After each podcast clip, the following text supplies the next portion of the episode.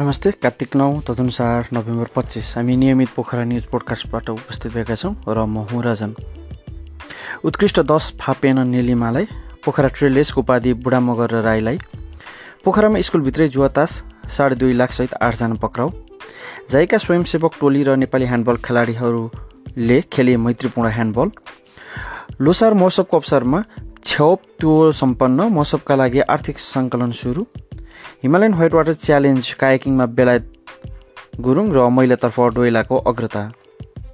बिसौँ पोखरा महोत्सव पोखरा सडक महोत्सव सफल पार्न बृहत छलफल विभिन्न उपसमिति गठन।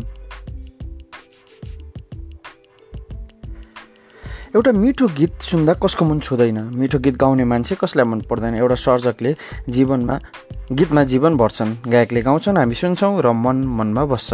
अनि त्यही गीतलाई जानी नजानी गुनगुनाउँछौँ। किनकि त्यहाँ हाम्रो जीवन हुन्छ।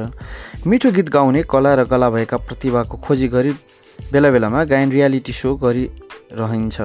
हजारौँ प्रतियोगीबाट एउटा उत्कृष्टमा दरिन्छन् र विजेताको उपमा पाउँछन्। त्यस्तै अहिले चर्चामा रहेको रियालिटी गायन रियालिटी सो नेपाल आइडल। यो गायन रियालिटी सो जतिको चर्चित छ उत्तिकै चर्चित छन् यसका प्रतिस्पर्धी देश तथा विदेशमा रहने लाखौँ नेपालीको वाइ वाइ पाइरहेका छन् सबै प्रतिस्पर्धीले। श्याम राणा लेख्नुहुन्छ गन्थन डट कमको लागि। शुक्रबार आइडलको सातौँ उत्कृष्ट प्रतियोगीबाट पोखराकी निलिमा थापा बाहिरिन्। उनी बाहिरिएसँगै देश तथा विदेशमा रहने उनका प्रशंसक दुखी भएका छन्। आइडलको अडिसनमा गोल्डेन माइक गाला राउन्ड प्रवेश पाएपछि उनी आइडलको आशा लाग्दै प्रति प्रतियोगीकी रूपमा चिनिन्थिन्। पोखराको बिग एफएमले आयोजना गरेको बिग आइकनमा पनि उनी उत्कृष्ट पाँचौँ प्रतियोगीमध्येबाट बाहिरिएकी थिइन्। बिग एफएमका अध्यक्ष तथा B big आइकनका programme chief Mahesh Bhandari reality सोमा छोटो समयभित्र दर्शक र निर्णायकलाई प्रभाव जमाउनु पर्ने हुँदा पनि प्रतियोगीले प्रतियोगीको भूमिकाले प्रस्तुतिले भूमिका खेल्ने बताउँछन्। रियालिटी सो जीवन्त हुन्छ। छोटो समयमा धेरै कुराको पर्फर्मेन्स गर्नुपर्छ भोट अपिल गर्नुपर्छ त्यसको पनि उसले पर्फर्मेन्सले प्रभाव पार्छ। एक वर्षसम्म पढेको कुरा तिन घन्टामा लेख्न नसके म राम्रो विद्यार्थी हुँ भनेर घमण्ड गर्न नमिल्ने उनको तर्क छ। रियालिटी सो र परीक्षाको राम्रो नराम्रो पक्ष भनेको पनि यही हो। नसोचेको मान्छेले बाजी मार्न सक्छ। आफू पोखराको भएको र निलिमा बिग आइकनको पनि प्रतियोगी भएकाले निलिमाले जितुन् भन्ने लागेको उनले बताए। पर्फर्मेन्स दिँदा निलिमा बिरामी थिइन् भन्ने सुन्नमा आएको छ। उनले भने आफू पोखराको भएको र निलिमा बिग आइकनको पनि प्रतियोगी भएकाले जितुन् भन्ने लागेको हो तर सबै प्रतियोगी उत्कृष्ट छन्। पोखरा ट्रेल रेस सिरिज अन्तर्गतको मास्टर ट्रेल पन्चासी पचपन्न किलोमिटर पुरुषतर्फ उपाधि प्युठनका दामोदर बुढामगरले जितेका छन्। उनले पचपन्न किलोमिटरको दूरी छ घन्टा बाइस मिनटमा पुरा गर्दै उपाधि जितेका हुन्। उनले नगद तिस हजार रुपियाँ मेडल र प्रमाणपत्र प्राप्त गरे।